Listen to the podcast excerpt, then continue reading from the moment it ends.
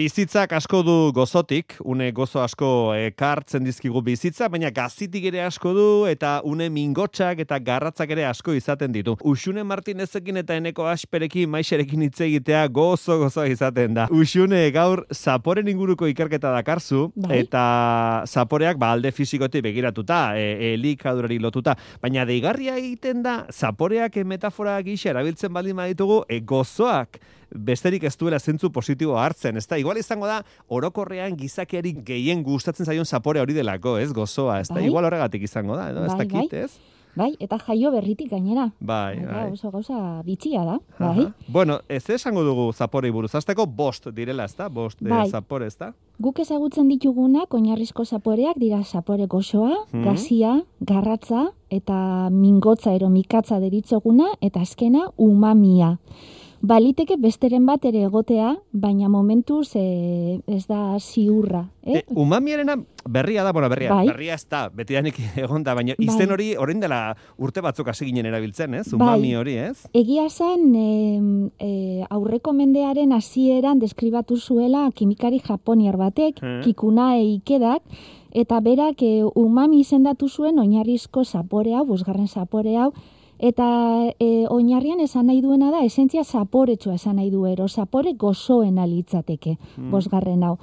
Eta bueno, ba, e, asko gustatzen zaigun zapore bada umamia, Bai. Eta batez ere, ba, jaio berri garenean eta dastatzen dugulako, amaren esnean esaterako dago umami zapore bizia. Ah, bai, eh? Bai, bai, eta orduan horregatik behar bada umamea, umamiarekiko ba, joera handia dugu jaiotzen e, garenetik. Aha. Bai, baina mm, zaporekin jarraituz gero, bueno, esan dugu zelan zapore gozoak asko gustatzen zaizkigula, jaiotzen garenetik, eta badago beste arrazoi bat, eta da, ba, elikagai e, za, e, gozoek ero energia kopuru handia dutela. Eta orduan, bueno, ba, gizakion lehenengoko evoluzioaren lehenengoko etapetan, ba, energia askoko elikagaiak eta jaten zituztela, Ah. e, bizi, denpora luzeago zero bizi irauteko, ez aurrera joateko.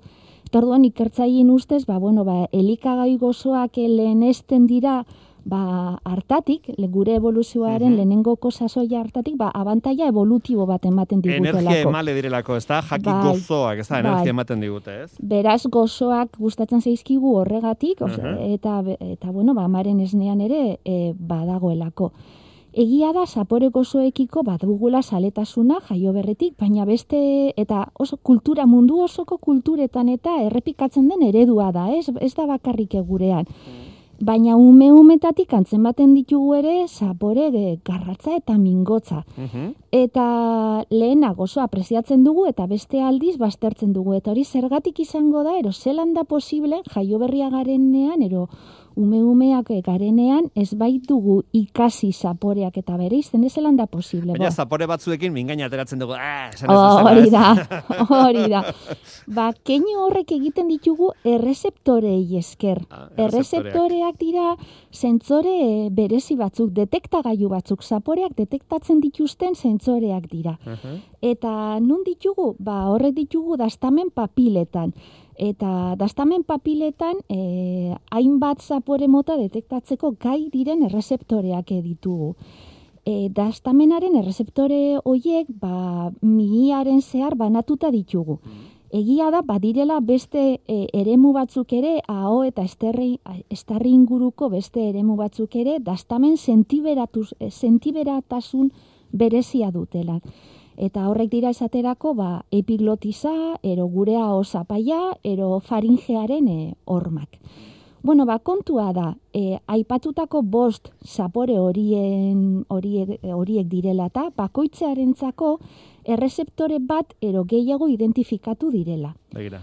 Esaterako, zapore gozoaren bi zentzore ezagutzen dira. Eta bat dago G proteina batekin deitzen den proteinarekin lotuta, eta bestea molekula batekin adenosin monofosfato ziklikoa deitzen dela.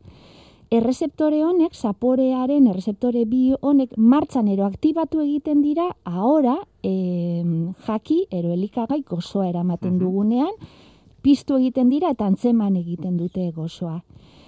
Umamiari dagokionez, umamia glutamatuaren eta... Umamia, barkatu, eh, pelma Bai. eh? Esan duzu Bai. umamia adibidez, eh, aur jaio berriek eh, zera, amaren esne hartzen dutenen, hor umami asko dagoela. Bai, Baina bai. beste ze jakietan dago umamia, jendeak ideia bat egin dezan Ba, konturatzeko. esaterako glutamato e, a duten e, zeretan jakietan, erolikagaietan, eta ohikoa da esaterako aragietan, arrain batzuetan, Ah. e, barrengorrietan ere aurkitzen da, gaztaietan, Mhm. e, tomate klase batzuetan, bai. hori da, begira, hor umamia dago, eh? Bai, eta Ketchup, esaterako bai. saltzetan, ba, soja saltzan, misoa eta misoan ere, Mhm. arrain saltza batzuetan ere saporea dago, umami saporea dago, Mhm. horri, horrelako jakietan dago umamia. Hor, maixek iruditu horregatik, bai, umamiaz eh, zerbait bai, nahi duela.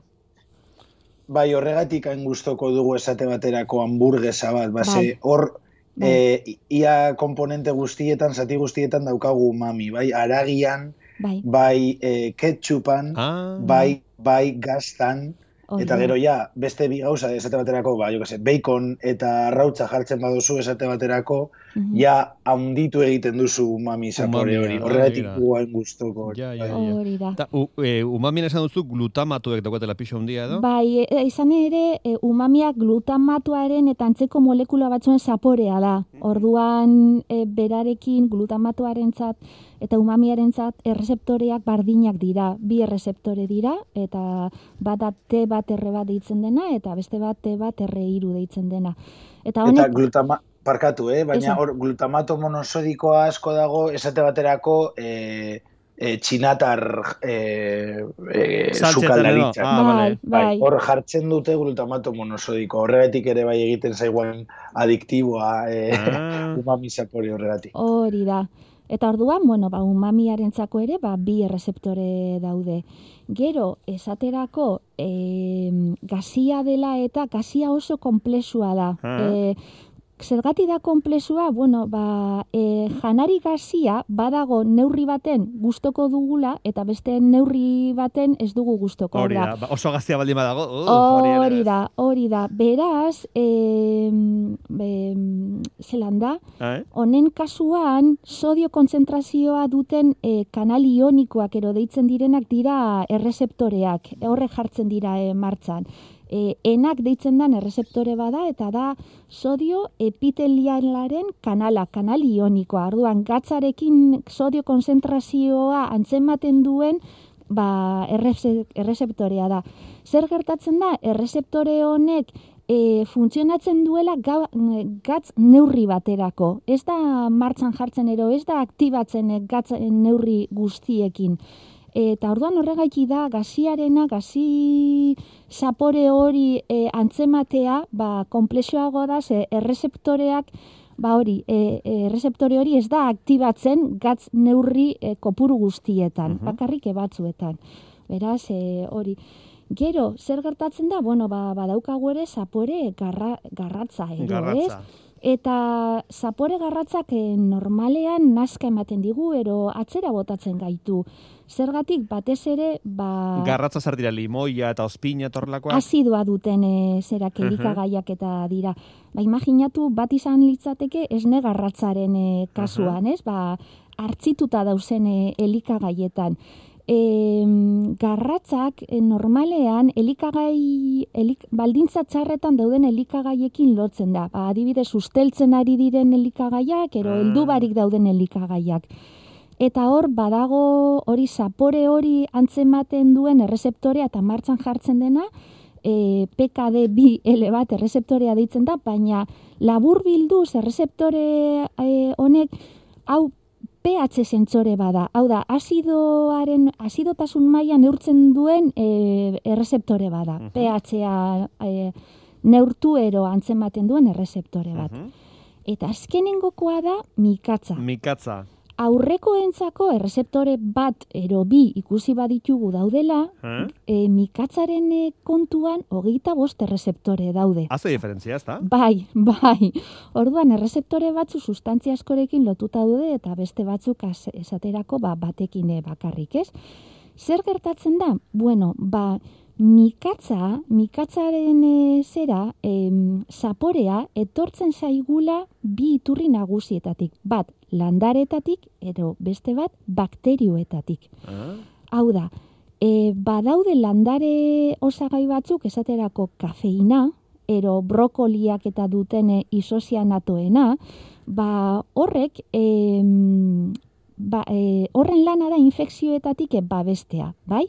Eta horrek e, em, horrek elementuak e, dauden elikagaiak mikatzak dira. Eta errezeptoreek hori hartzen dute. Eta esateko T2R bat errezeptoreak, ba, bueno, ba, detektatzen du esaterako e, lupuluaren loreari Mhm. ba, e, lotuta dagoen e, zera, zapore mikatza. Eta zapore mikatza hori garagardoan aurkitzen dugu esaterako. mm. Bai, orduan, e, T2R bat errezeptoreak horrelako errezepto, horrelako e, mikatz gustoak ero dastatzeko e, gusto mikatza e, antzematen du, bai? Eta gero beste batzuk, esan dugun moduan, beste osagai mikaz batzuk bakterioetatik datoz bakterioa sortzen dituzte. Esaterako, ba, em, landarek, tosinak edo infekzio baterianoak dituztela adiarazten dute zapore mikatz batzuk, bai? Eta horrek egiten digu, ba, elikagaiak baztertzea. Eta ba, badago errezeptore bat, T2R hogeta mazortzi errezeptorea, horrek bakterioetatik datozen sustantzia mikatzak detektatzeko ahalmena duela. Baina honek dira bakarrik bi, eta hogeta bost errezeptore daude, bai? E, mm, amaitzeko errezeptoreak direla eta dastamenak direla eta hori, ba, bi kontu bakarrik. Alde batetik, e, mikatza antzematen e, duten errezeptoreak babesleak direla esan dezakegula. Hau da, inguruan ditugun sustantzia arriskutsuak detektatzeko bai dituzte. E, arriskutsuak detektatzen dituztelako, bai? Lehen esan dugu esaterako, ba, landareetatik datozen e, zer batzuk, e, e, zapore batzuk ero, ero e, produktu batzuk, eta beste alde batetik, ba, bakterio sortzen dituztela. Orduan, e, mikatza antzematen dutuen e, errezeptoreak horri dira, batez ere nolabait babesleak dira, ez? Ja, beraz, gauza mikatz bat jaten dugunen, hor, alerta seinale bat egon liteke? Bai, bai, bai, e, zeren es, esan dezakegu esaterako kasu batzuetan e, jaki hori ez dagoela baldintza honetan, ero? Ah, Ah, bai, Ja, Eta abisua da beitu- beraz. bai, bai, bai, ero. Oso- Esan, eneko, Oso kuriosoa dala, e, bai e, mikatza eta garratza denean, bai, adibidez, e, zelan e, sukaldaritza batzuetan, esate baterako Indiako sukaldaritzan badakizue kurri asko erabiltzen dutela, eta bar, bai, eta da e, askotan e, beraien okela ez egoelako e, egoera honean. Mhm. Orduan, a- lehen eusunek aipatu duen bezala, e, okela e, baia pizka bat zaharra denean goazen esatera, ba, Mhm. e, zapore e, garratza hori eta eta bakteriak badauden ba mikatz hori Bai. e, azten da eukitzen eta orduan hori nolabait e, izkutatzeko bai, orduan egiten ziren e, kurriak eta kurriak oso potenteak dira Mhm. eta egiten zen justo ba, ba, ba, borrokatzeko nahi baduzue e, okelaren zapore e, garratz eta eta mingatz horrekin e,